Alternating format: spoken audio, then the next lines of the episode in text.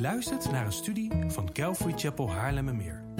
We bidden dat de Heer tot je zal spreken en je zult groeien in jouw persoonlijke relatie met de levende God. Bezoek voor meer informatie onze website calvarychapel.nl. Dat is C-A-L-V-A-R-Y-C-H-A-P-E-L.nl.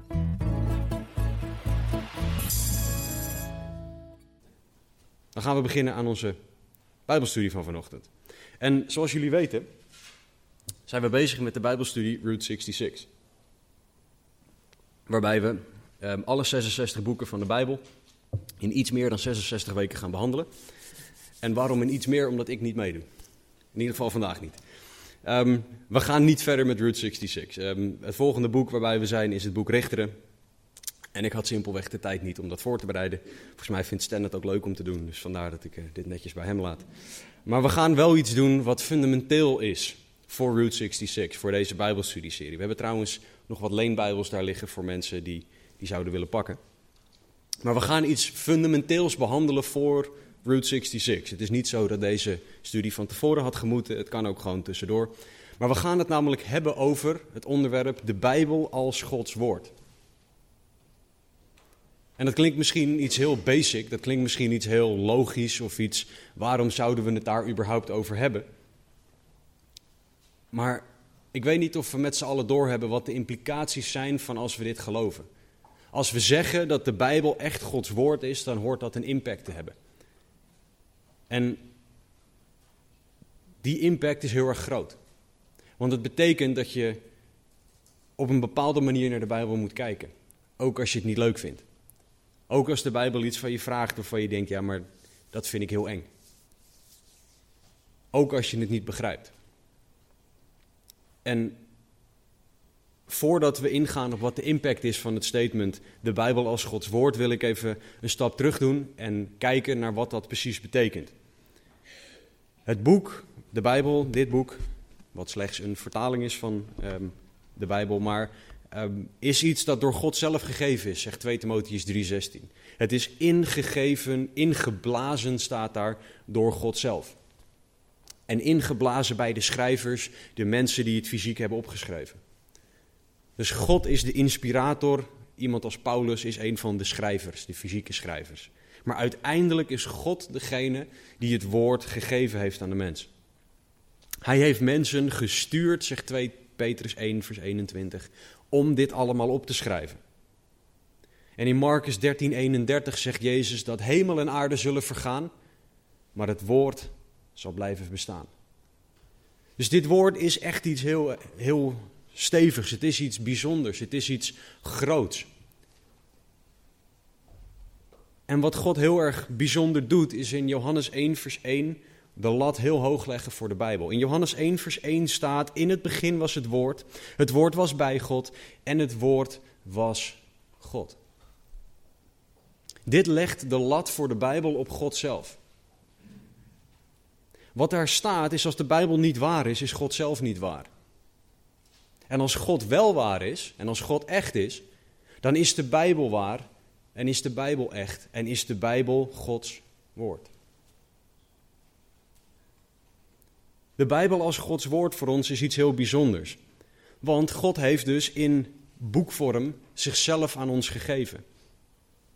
De schepper van hemel en aarde heeft een boek laten schrijven waarmee hij wil communiceren met ons, zodat wij hem kunnen leren kennen zodat wij zijn hart kunnen zien, zodat wij een relatie met Hem kunnen opbouwen. En het opbouwen van die relatie heeft als centraal punt dit boek. Want hierin kunnen wij God leren kennen. En als jij aanneemt, als jij de Bijbel als Gods woord ziet, heeft dat grote gevolgen en heeft dat een, hoort dat een grote impact op je leven te hebben.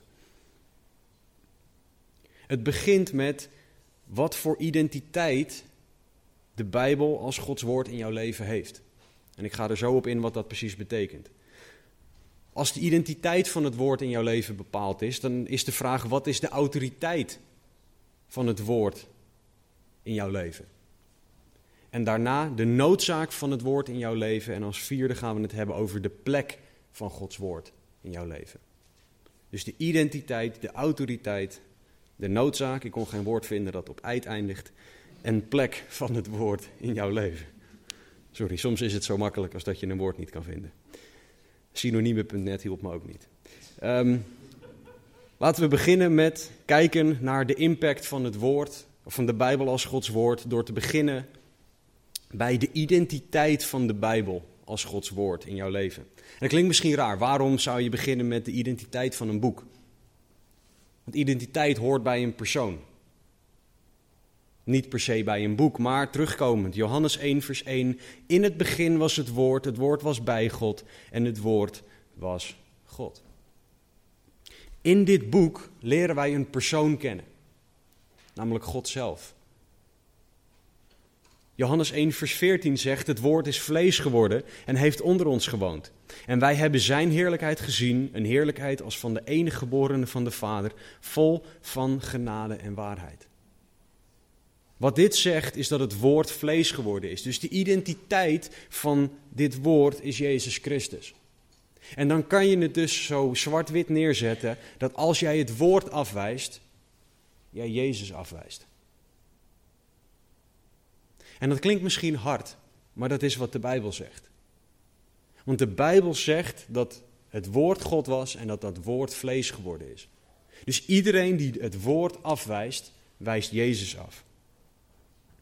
Maar hoe zit het dan dat de Bijbel Jezus is? Hoe, hoe moet ik dat voor me zien? Nou, Bijbelcommentator Warren Wiersbe heeft daar het volgende over gezegd. Zoals onze woorden aan anderen ons hart en onze gedachten laten zien, zo is Christus Jezus Gods woord om ons Gods hart en Gods gedachten te laten zien. Jezus Christus als het woord is de weg om God, Gods hart en Gods gedachten te leren kennen. Jezus Christus als Gods woord is de enige weg om God te kennen. Daarom zegt Jezus ook in Johannes 14, vers 9: Wie mij gezien heeft, heeft de Vader gezien. Dat is wat dit betekent. Jezus Christus als het woord betekent dat we in het woord Jezus en daarmee God de Vader kunnen leren kennen. Maar als de Bijbel dan Jezus is, als de Bijbel dan de weg naar de Vader is, als de Bijbel de manier is om God te leren kennen, de enige manier om God te leren kennen, als de woord, het woord de leidraad, het leidraad voor je leven wordt, dan vereist dat een andere reactie dan leuk. Of, oh wat fijn. Nee, dit vereist dat jij er iets mee doet. De identiteit van het woord bepaalt wat jij met het woord doet. Als jij het woord namelijk ziet als iets of iemand anders dan Jezus Christus zelf, zou jij er niet mee doen wat God bedoeld heeft dat je ermee doet. Als jij het woord ziet als mooie, fijne lessen, als het voorbeeld van hoe goed te leven, als het voorbeeld van hoe een, een vruchtbaar leven te kunnen hebben, dat zijn op zich niet slechte dingen. Maar ze zijn minder dan dat jij het gelijk stelt aan Jezus Christus. Want als het woord Jezus Christus is voor jou, dan heeft dat veel meer autoriteit in jouw leven. En dat is, dat is ook het tweede waar we naar gaan kijken. Als de identiteit van het woord bepaald is, dan bepaalt dat de autoriteit van het woord in jouw leven. Die identiteit van het woord bepaalt de geloofwaardigheid van het woord in jouw leven. Het bepaalt de autoriteit, noodzaak en plek in jouw leven. Johannes 14, vers 15 zegt dat als wij van God houden, we zijn geboden doen. Jacobus 1, vers 22 roept ons op om daders van het woord te zijn. Lucas 6, vers 46 is het vers waarin Jezus zegt: Waarom noemt u mij Heere, Heere en doet u niet wat ik u gebied? En in het hele Oude Testament werd Israël opgedragen om Gods wil te doen. Oftewel, de identiteit van het woord vereist van ons dat wij gehoorzaam zijn aan het woord.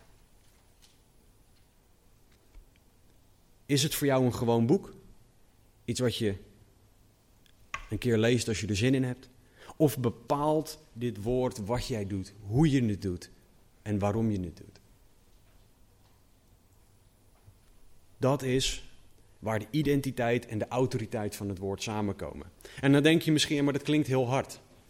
Nou, niet per se, want God is een liefdevolle vader die als perfecte vader aan ons wil laten zien wat goed voor ons is. Maar ook wat niet goed voor ons is. Ik heb het voorrecht om twee dochters te hebben. Ik laat mijn, mijn dochters, mijn jongste is vier maanden, dus die heeft nog niet heel veel te willen, behalve dat ze wil drinken, eten en slapen. Ehm, maar mijn oudste, die laat ik niet zomaar alles doen omdat zij het wil. Op bepaalde momenten moet zij doen wat ze moet doen, omdat papa tegen haar zegt. En niet omdat ik een dictator ben, maar omdat het goed is voor haar dat ze sommige dingen doet. Zoals eten, drinken, niet oversteken over een bepaalde weg, wachten met oversteken totdat ik bij haar ben. Ga zo maar door. Er zijn bepaalde dingen, ook een fles bleek laat ik er niet leeg drinken. Überhaupt niet, niet drinken trouwens. Ehm, maar sommige dingen moeten gewoon duidelijk gemaakt worden dat je die wel of niet moet doen. En zo zit God ook in elkaar. Veel perfecter dan dat ik ben. Volledig perfect als vader. En dat ben ik niet. Maar hij als perfecte vader zegt tegen elk mens: dit is goed voor jou. En dit is niet goed voor jou. Dit is wat jouw leven richting mij leidt. En dit is wat je leven van van mij afhoudt. Dat is wat de mens nodig heeft. Dat is de waarheid die de mens nodig heeft. En waarheid is een grote zoektocht tegenwoordig. Tegenwoordig zeggen mensen, ja, maar dat is jouw waarheid. En dit is mijn waarheid. De Bijbel is het daar fundamenteel mee oneens. De Bijbel leert ons in Johannes 17, 17, heilig hen door uw waarheid. En hier komt het, uw woord is de waarheid.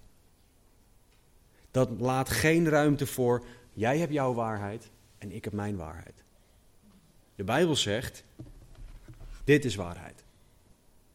En daar heb je het mee te doen. En waarom hebben we het er maar mee te doen? Nou, omdat God het zegt. Maar daarnaast omdat God zo ontzettend goed is. Zo ontzettend liefdevol is.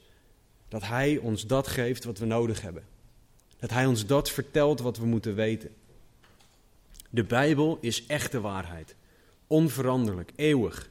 Het is goddelijke waarheid die we in elke situatie nodig hebben.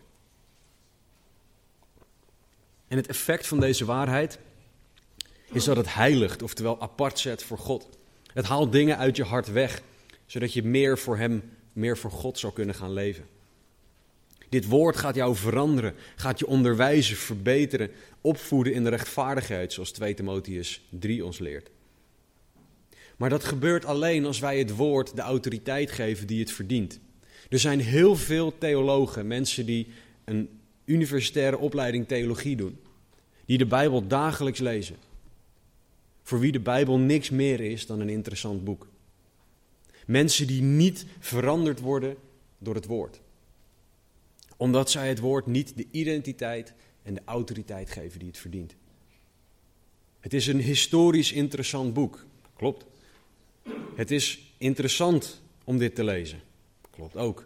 Het is mooi om te lezen. Klopt ook. Maar zolang het niet voldoet aan het woord is Jezus Christus, zal het altijd minder bereiken dan wat God wil. En in sommige, sommige mensen zelfs niks, omdat zij God niet de autoriteit geven die het verdient. Er zijn te veel christenen, er zijn te veel kerken die hetzelfde doen, die de autoriteit van de Bijbel en daarmee de persoon en de autoriteit van Jezus verminderen. Mensen die de Bijbel niet aannemen in zijn perfect door God gegeven autoriteit. En nu is het makkelijk om dat over anderen te zeggen, maar de vraag komt heel dichtbij. Als ik hem zo stel: accepteer jij het woord van God als waarheid? Accepteer jij de identiteit en daarmee de autoriteit van het woord voor jouw leven? Ook als God iets aan jou vraagt, wat niet leuk is. Ook als God iets aan je vraagt wat je misschien niet begrijpt. En de manier om erachter te komen of jij de autoriteit van het woord accepteert, is of jij doet wat de Bijbel zegt. Doe jij wat de Bijbel van jou vraagt? Als het antwoord ja is, dan heeft de Bijbel autoriteit in je leven. Als je er naar streeft, als je God erom vraagt om je daarin te veranderen, om je daarin te leiden, dan, dan heeft of krijgt de Bijbel steeds meer autoriteit in jou. Als jij zoiets hebt van nee, ik doe niet wat de Bijbel zegt, want dat wil ik niet, dan heb je daar je antwoord. Dan heb jij meer autoriteit in jouw leven dan het woord van God. En in Johannes 14, vers 15 zegt Jezus, en ik heb het vers al aangehaald, dat wie hem lief heeft, doet wat het woord zegt. Dus als jij zegt nee, ik doe niet wat het woord zegt, betekent het dat jij meer van jezelf houdt dan dat jij van Jezus houdt. En elke keer wanneer wij zondigen, houden wij meer van onszelf dan van Jezus. Want dan doen wij wat wij willen. Doe ik wat ik wil, in de plaats van wat God zegt en wat God wil. En voor de duidelijkheid, we moeten de Bijbel bestuderen. We moeten de Bijbel in zijn context bestuderen, in zijn historische context, in zijn culturele context, in de context van het woord. Je mag nooit één vers ergens uitplukken en daarmee een hele leerstelling neerzetten. Een belachelijk voorbeeld was een keer, dat zag ik in een, in een tv-serie. Daar was iemand die las het stuk voor over dat de dochters van Lot met Lot naar bed gingen, oftewel met hun vader. En die persoon die stopte met lezen na dat vers en die zei: Laten wij doen zoals deze mensen deden. Oftewel, die man trouwde met zijn eigen kinderen. Dat is een verschrikkelijke, een verschrikkelijk misbruik van het woord van God. Daarbij heeft het woord nog steeds niet de autoriteit die het woord verdient.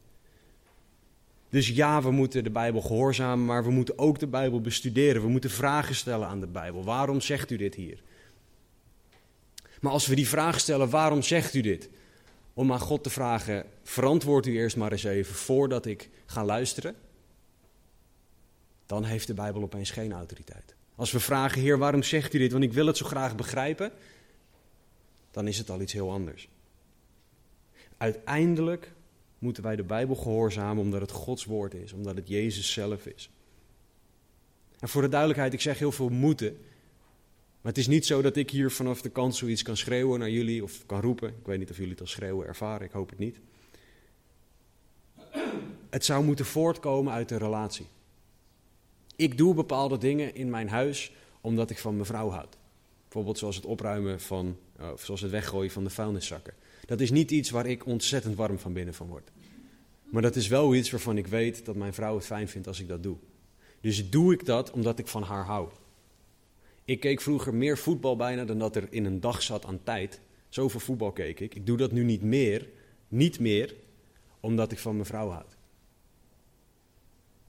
Want ik wil meer haar lief hebben dan dat ik iets wil doen wat voor mezelf is. En daar ben ik groeiende in. Maar zo werkt het. In een relatie doe je dingen wel en je doet dingen niet omdat je van de ander houdt. En zo werkt het ook met God. God laat zien hoeveel Hij van ons houdt. En onze juiste reactie daarop, als, als liefdevolle of als kinderen naar een liefdevolle vader, is dat je bepaalde dingen wel en niet doet, omdat die vader dat van ons vraagt. Warren Wiersbe, Bijbelcommentator, heeft het volgende gezegd. Hij zegt: Het is niet genoeg om de Bijbel te bestuderen en veel doctrinale waarheid te leren, dus feitjes uit de Bijbel te halen. We moeten ook Jezus Christus meer gaan liefhebben wanneer we zien wie Hij is en wat Hij voor ons gedaan heeft. Leren en liefhebben zouden moeten leiden tot leven. Leven waarin de Heilige Geest ons in staat stelt om Zijn woord te gehoorzamen. Dus ja, we moeten leren kennen, de feitjes van wat het woord zegt. Maar dat moet niet alleen maar hoofdkennis zijn, dat je allerlei versen kan opdreunen, maar dat het niks in je hart doet. Die feiten moeten ons, ons hart bereiken. En dat is iets wat God in ons kan doen. En wanneer je meer gaat liefhebben, zal je gaan leven door de Heilige Geest zoals God dat wil. De juiste autoriteit van de Bijbel bouwt een relatie met Jezus op. De juiste autoriteit van de Bijbel brengt heiliging in je leven, brengt meer liefde voor God en mens. De juiste autoriteit van de Bijbel in jouw leven gaat ervoor zorgen dat jij meer op Jezus gaat lijken. En dat is alleen zo als jij de Bijbel als Gods woord ziet.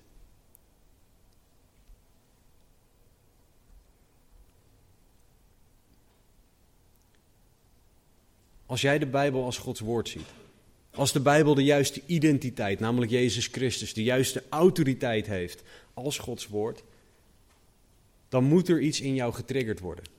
Een bepaalde noodzaak voor de Bijbel in jouw leven. Want als dat de enige manier is om God te leren kennen. En God is het zo waard om te leren kennen, omdat Hij zo ontzettend goed is.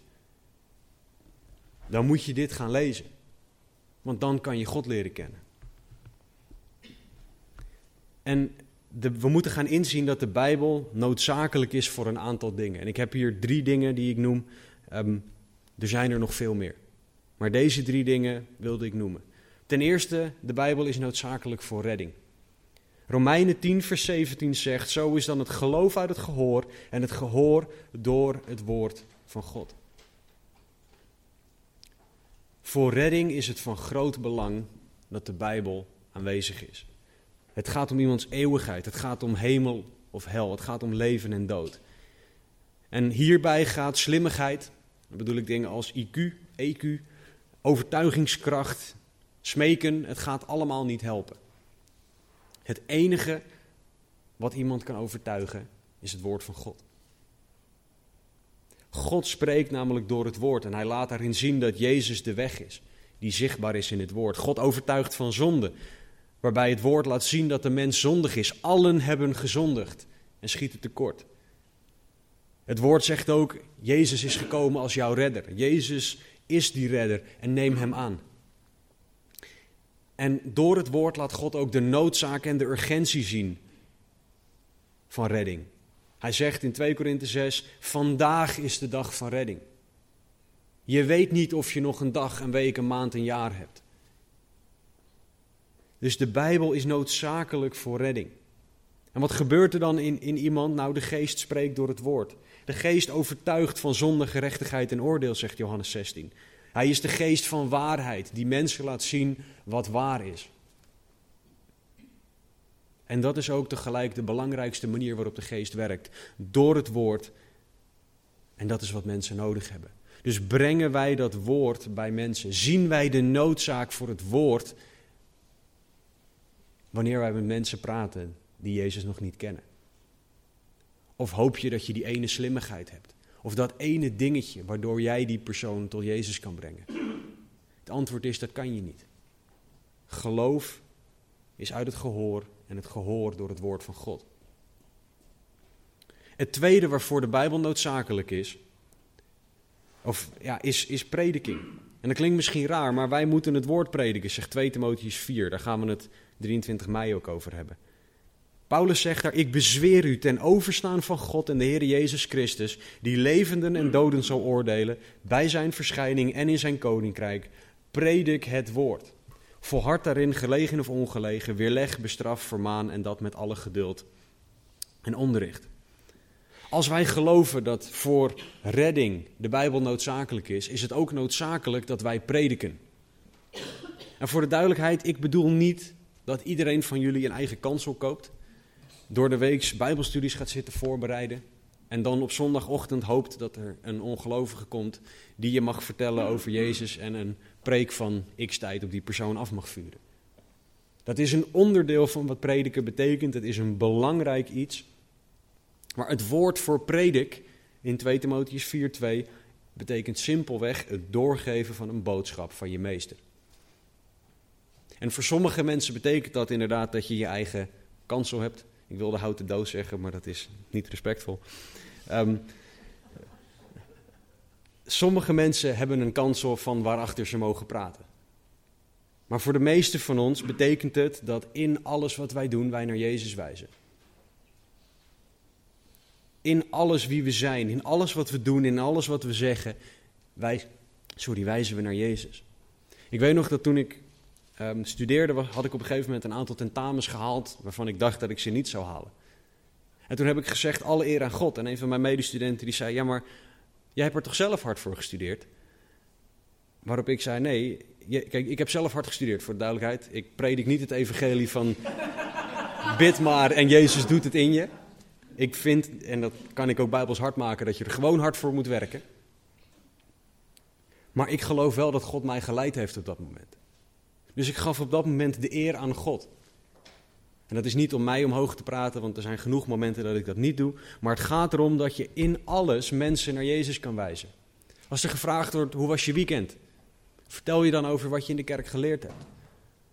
Als je iets prachtigs uit, het woord gelezen hebt en er vraagt iemand, hoe gaat het met je? Zeg je daarna, het gaat ontzettend goed, want ik, weet je wat ik vanochtend gelezen heb? Om maar een voorbeeld te noemen. In wie we zijn, in wat we doen, in alles horen wij te prediken over Jezus Christus. In ons advies zeggen wij, nou kijk, ik heb, ik, ik, heb gehoord van mijn achterneef, die deze gelijke situatie heeft meegemaakt, dat als je zo en zo het, het systeem bewerkt, dat je dan voor elkaar krijgt wat je wil. Of zeg je, nee, kijk, de Bijbel zegt dat we eerlijk moeten zijn, dus als dat jouw situatie is, wees eerlijk. Geef Bijbels advies aan mensen. In je omgang zie jij de schoonmaker staan in, in, op de plek waar je werkt of op de school waar je komt. Ga, hoe ga jij om met mensen? Dat allemaal kan naar Jezus wijzen en hoort naar Jezus te wijzen. En geleid door de geest mag je het evangelie vertellen, mag je bijbelversen citeren of parafraseren als je niet de letterlijke tekst weet. Maar dat is wel wat God van ons vraagt.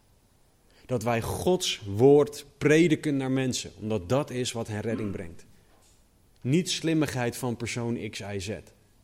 Nee, de waarheid van God is wat mensen tot redding kan brengen. En als mensen dat aannemen, prijs de Heer, dan is het grootste wonder gebeurd dat er in iemand kan gebeuren. Als mensen het afwijzen, is dat niet iets persoonlijks tegen jou, ook al voelt het wel altijd zo. Maar uiteindelijk is het dat mensen Jezus afwijzen. En aan de ene kant is dat triest, aan de andere kant hoort dat ons aan te zetten tot meer bidden voor die persoon. Tot meer vragen, Heer, geef me mogelijkheden, openingen om te getuigen naar deze persoon. Om uw woord te brengen naar deze persoon. Want God is de enige die kan overtuigen. De Heilige Geest overtuigt van zonde, oordeel en gerechtigheid. Daar wordt niemand anders genoemd dan God zelf. Dus vraag of de Geest dat wil doen. De Geest van de waarheid, de Geest die ons het woord wil uitleggen.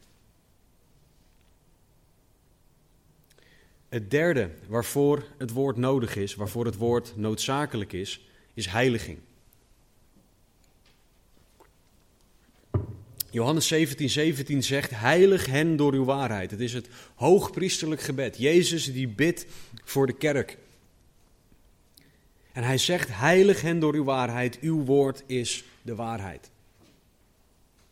Gods woord heiligt. En het woord heilig hier betekent apart zetten, apart gezet worden voor God. Dus wat Jezus vraagt aan God de Vader is: zet hen apart door uw waarheid. Geef ze de mogelijkheid tot een relatie met u door uw waarheid, want God is heilig.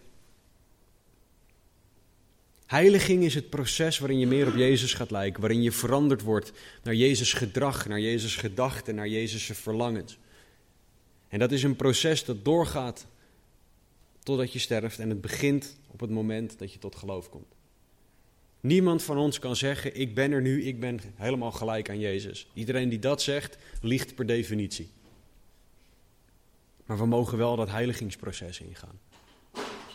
Maar het is belangrijk wat er staat in Johannes 17, 17. Er staat namelijk, heilig hen door uw waarheid.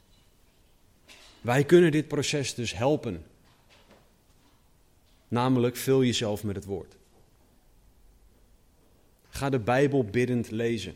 Dan gaat God met jou aan de slag en gaat God jou veranderen. Als jij je Bijbel niet leest, wat jammer genoeg de staat is van een hele hoop christenen, is dat je God weinig ruimte geeft in je leven om jou te veranderen. Want heilig hen door uw waarheid. Die waarheid moet in ons hart komen, moet in onze gedachten komen. En dan gaat God daarmee aan de slag om ons te veranderen. De Bijbel moet noodzakelijk zijn voor ons. Iets waar we niet zonder kunnen, omdat het Gods woord is als wij geheiligd willen worden. Dat woord bouwt die relatie met God op. Dat woord zorgt ervoor dat we Gods vaderhart gaan leren kennen. Dat we Jezus liefde beter gaan leren kennen en het werk van de geest. Allemaal dingen die God aan ons wil laten zien en die Hij wil gebruiken in ons.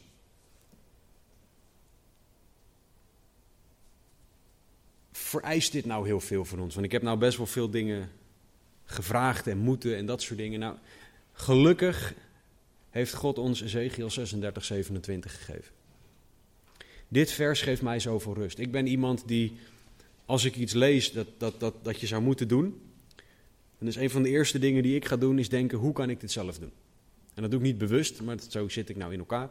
En dat is iets waar God mij in aan het veranderen is. Want Ezekiel 36, 27 zegt, ik zal mijn geest in uw binnenste geven. En hier komt het, ik zal maken dat u in mijn verordeningen wandelt en dat u mijn bepalingen in acht neemt en ze houdt. Oftewel, God die wil zijn geest in ons leggen. En ervoor zorgen dat wij het woord gaan houden. Hij wil ervoor zorgen dat wij het woord belangrijk gaan vinden. Hij wil ervoor zorgen dat wij het woord noodzakelijk gaan vinden. Dat wij het woord dagelijks tot ons gaan nemen. Dat wij ervoor gaan zorgen door de Bijbel te gaan lezen dat God dat heiligingsproces in ons kan gaan doen. Maar de vraag is of wij de geest dat laten doen. Vind jij het goed als de Heilige Geest jou op het hart drukt om iets heel engs te doen, namelijk je wekker eerder zetten? Zodat je tijd kan maken om je Bijbel te lezen. Vind jij het goed als de Heilige Geest tegen je zegt: Ik wil dat je stopt met nu luisteren naar deze muziek via Spotify. En ik wil dat je een preek gaat luisteren.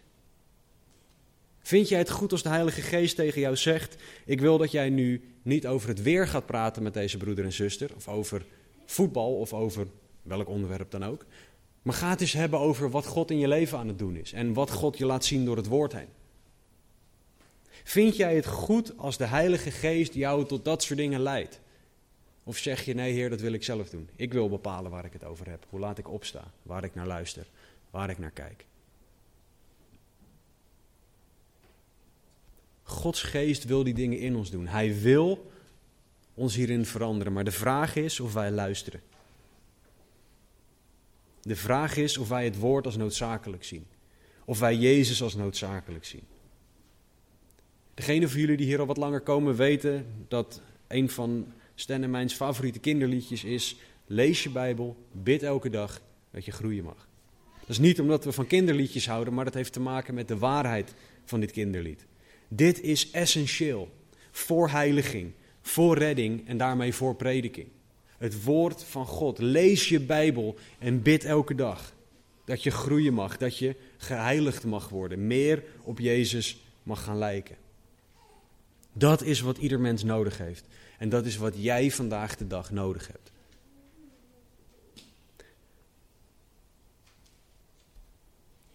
Als jij de noodzaak van het woord gaat zien, dan gaat dat ook bepalen welke plek, dat is het vierde punt van vandaag, het laatste punt van vandaag, welke plek de Bijbel als Gods woord in jouw leven heeft. Is de Bijbel voor jou Gods woord? Is de identiteit van het woord voor, jou maar gewoon een boek? Of een mooi boek? Of is het Gods woord, Jezus zelf, voor jou? Is de Bijbel de autoriteit in jouw leven? Bepaalt de Bijbel wat jij doet, hoe je het doet en waarom je het doet? Of bepaalt iets of iemand anders dat? Bevat de Bijbel mooie lessen? En is, is dat de autoriteit van de Bijbel? Of zijn het Gods woorden aan jou persoonlijk? Is de Bijbel voor jou nog noodzakelijk? Heb jij de Bijbel elke dag nodig? Vul jij je leven met de Bijbel? De antwoorden op deze vragen laten zien wat de plek van de Bijbel in jouw leven is, wat jouw beeld van de Bijbel is. En uiteindelijk laat dit zien wat jouw beeld van God is. Jouw beeld van de Bijbel zegt hoe jij God ziet. Denk daar eens over na. En nog verder, hoe jij met God omgaat bepaalt hoe jij met de Bijbel omgaat. En vice versa. Dus welke plek heeft de Bijbel in jouw leven? Welke noodzaak, welke autoriteit en welke identiteit heeft de Bijbel in jouw leven? Colossense 3:16 geeft ons de volgende opdracht. Laat het woord van Christus in rijke mate in u wonen. In alle wijsheid. Onderwijs elkaar, wijs elkaar terecht met psalmen, lofzangen en geestelijke liederen. Zing voor de Heer met dank in uw hart. Paulus begint dit vers met laat het woord van Christus in rijke mate in u wonen. Dat is niet een beetje. Dat is niet, oh wat fijn. Nee, dat is stromen van levend water die uit je komen omdat jij overvloeit van het woord van God. Waar het hart vol van is, stroomt de mond van over. En dat is wat de mens nodig heeft. Dat is wat jij nodig hebt. God zegt tegen jou: laat het woord rijkelijk in je wonen. Wees gevuld met het woord van Christus. En een aantal praktische manieren hoe je dat doet, en dit zijn ze bij lange niet allemaal, is Bijbel lezen. Klinkt heel simpel, maar dat is het ook. Gewoon Bijbel lezen. Maak tijd ervoor. Bijbel bestuderen, als je daar hulp bij nodig hebt, spreek Stan of mij na de preek even aan. Luister naar preken. Praat met broeders en zusters, met medechristenen over het woord. Het weer is belangrijk, het weer is goed om over te praten. Het nieuws is soms nuttig om over te praten, maar vinden we het ook nuttig en goed om hierover te praten? Om te praten over wat God in ons aan het doen is. Zijn we bereid om ons masker te laten vallen en te zeggen: Nee, ik heb gewoon echt een rotweek gehad. Want God is in me aan het snoeien. Ik weet niet, er kwam geestelijke strijd op me af en ik heb gewoon een rotweek. Of een rot maand of een rot jaar. Zijn we bereid om dat te doen en daarmee iemand anders de kans te gunnen om ons te bemoedigen in en door het woord? Nog een manier om het woord rijkelijk in je te laten wonen is ga naar de samenkomst. Of samenkomsten, omdat we ook op de woensdagavond bijvoorbeeld samenkomen. Voor de ouders onder ons, lees het woord voor aan je kinderen. Kind, kinderen. Als je kind het niet wil, je hebt als ouder ook een bepaalde autoriteit over je kind. Ik zeg niet dat je je kind een uur lang stil moet laten zitten om een Bijbel te lezen. Maar je kan echt in een kinderbijbel van je kind vragen dat je vijf minuten uit de Bijbel leest. Als ouder heb jij de verantwoordelijkheid voor de geestelijke gezondheid van je kind of kinderen. Pak jij die ook op als ouder? Of doe je andere dingen? Man en vrouw, lees samen de Bijbel. Een van de dingen waar de vijand het minste, het minst blij van wordt. Als man en vrouw samen ook de Bijbel lezen. En dit zijn slechts een paar manieren hoe je jezelf rijkelijk kan vullen met het woord. We hebben het voorrecht en het voordeel, dat is het voordeel van het internet, dat er zoveel resources zijn waar je je mee kan vullen. Het is tegelijkertijd ook een nadeel omdat je niet altijd weet wat juist is, wat goede leren is. Maar luister alle preken bij ons op de website. Dan ben je wel even bezig. Heb jij een idee hoeveel het er zijn, Stan? 450. 450 preken. Laten we gokken op drie kwartier per stuk. Mijn hoofdrekenen is niet top, maar dat is heel lang. Dat is heel veel tijd. Je hebt ze dus waarschijnlijk nog niet allemaal geluisterd. Gezondheid. Laat het woord rijkelijk in je wonen. Vul jezelf met het woord. En dat woord gaat je heiligen, dat woord gaat je vormen, dat woord gaat je veranderen dan naar het evenbeeld van, van Gods Zoon omdat de geest door het woord heen spreekt. Dat woord kan en zal dit doen als jij het woord de juiste plek geeft, de juiste identiteit, de juiste autoriteit, als jij de juiste noodzaak en de juiste plek voor het woord hebt. En dat allemaal begint met als jij de Bijbel gaat zien als Gods woord.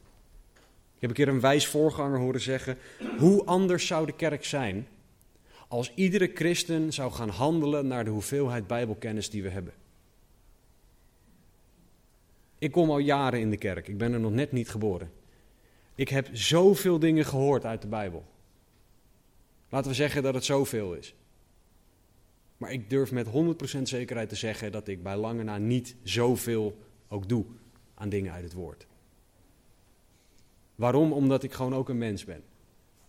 Maar als wij allemaal zouden gaan handelen naar hoeveel wij gehoord hebben uit het woord, hoe anders zou ons hart zijn, ons leven zijn? Hoe anders zou de kerk zijn, zou de wereld om ons heen zijn? Als wij eenvoudigweg gaan doen omdat God het zegt. We hebben het woord zo nodig. We zijn zo verloren zonder het woord. Het woord leidt, het heiligt. Het is het zwaard in, de geestelijke strijd. Het geeft antwoorden. Het, geeft, het heeft waarheid. Het houdt ons dicht bij God. Het is de weg naar een relatie met God. En het is zo bijzonder dat God dit woord gegeven heeft. Dat we het mogen lezen en dat de geest het aan ons wil uitleggen. Wat is de plek van het woord in jouw leven?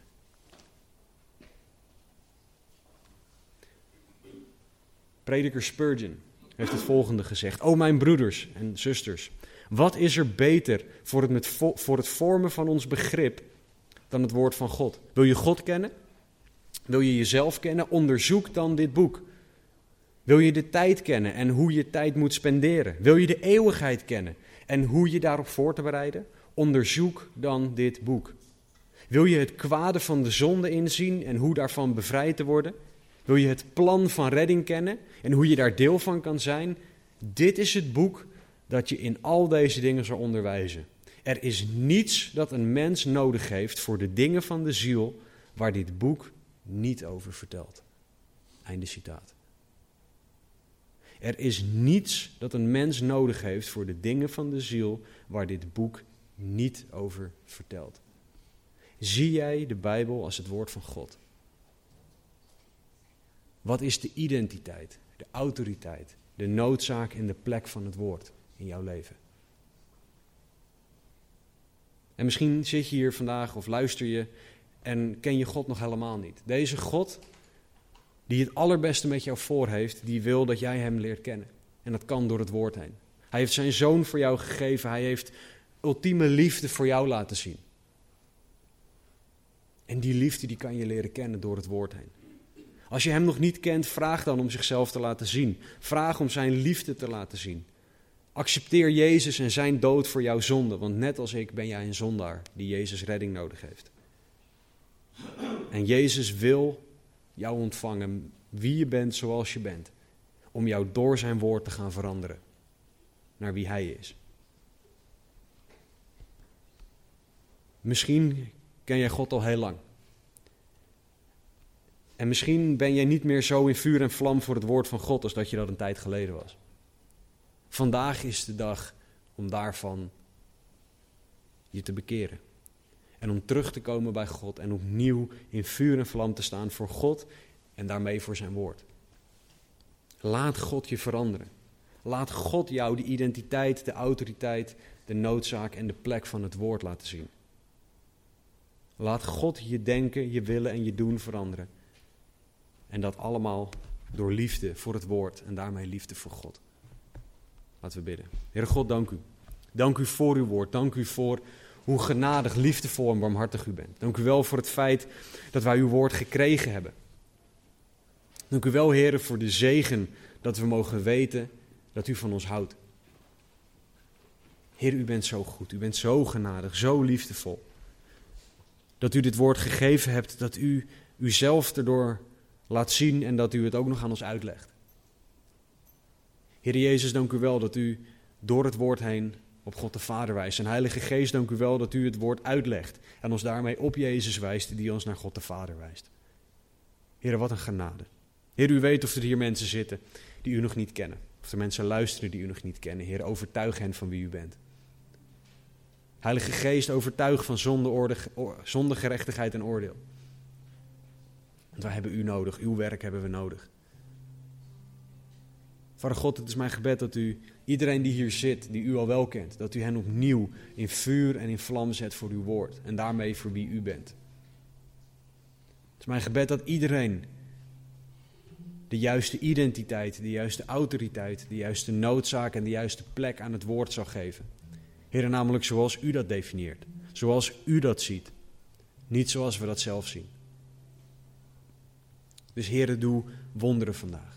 Heer, vergeef ons waar wij uw woord niet gezien hebben, niet zien, niet aannemen zoals het is. Heer, doe een bovennatuurlijk werk alstublieft. Heer, overtuig ons alstublieft.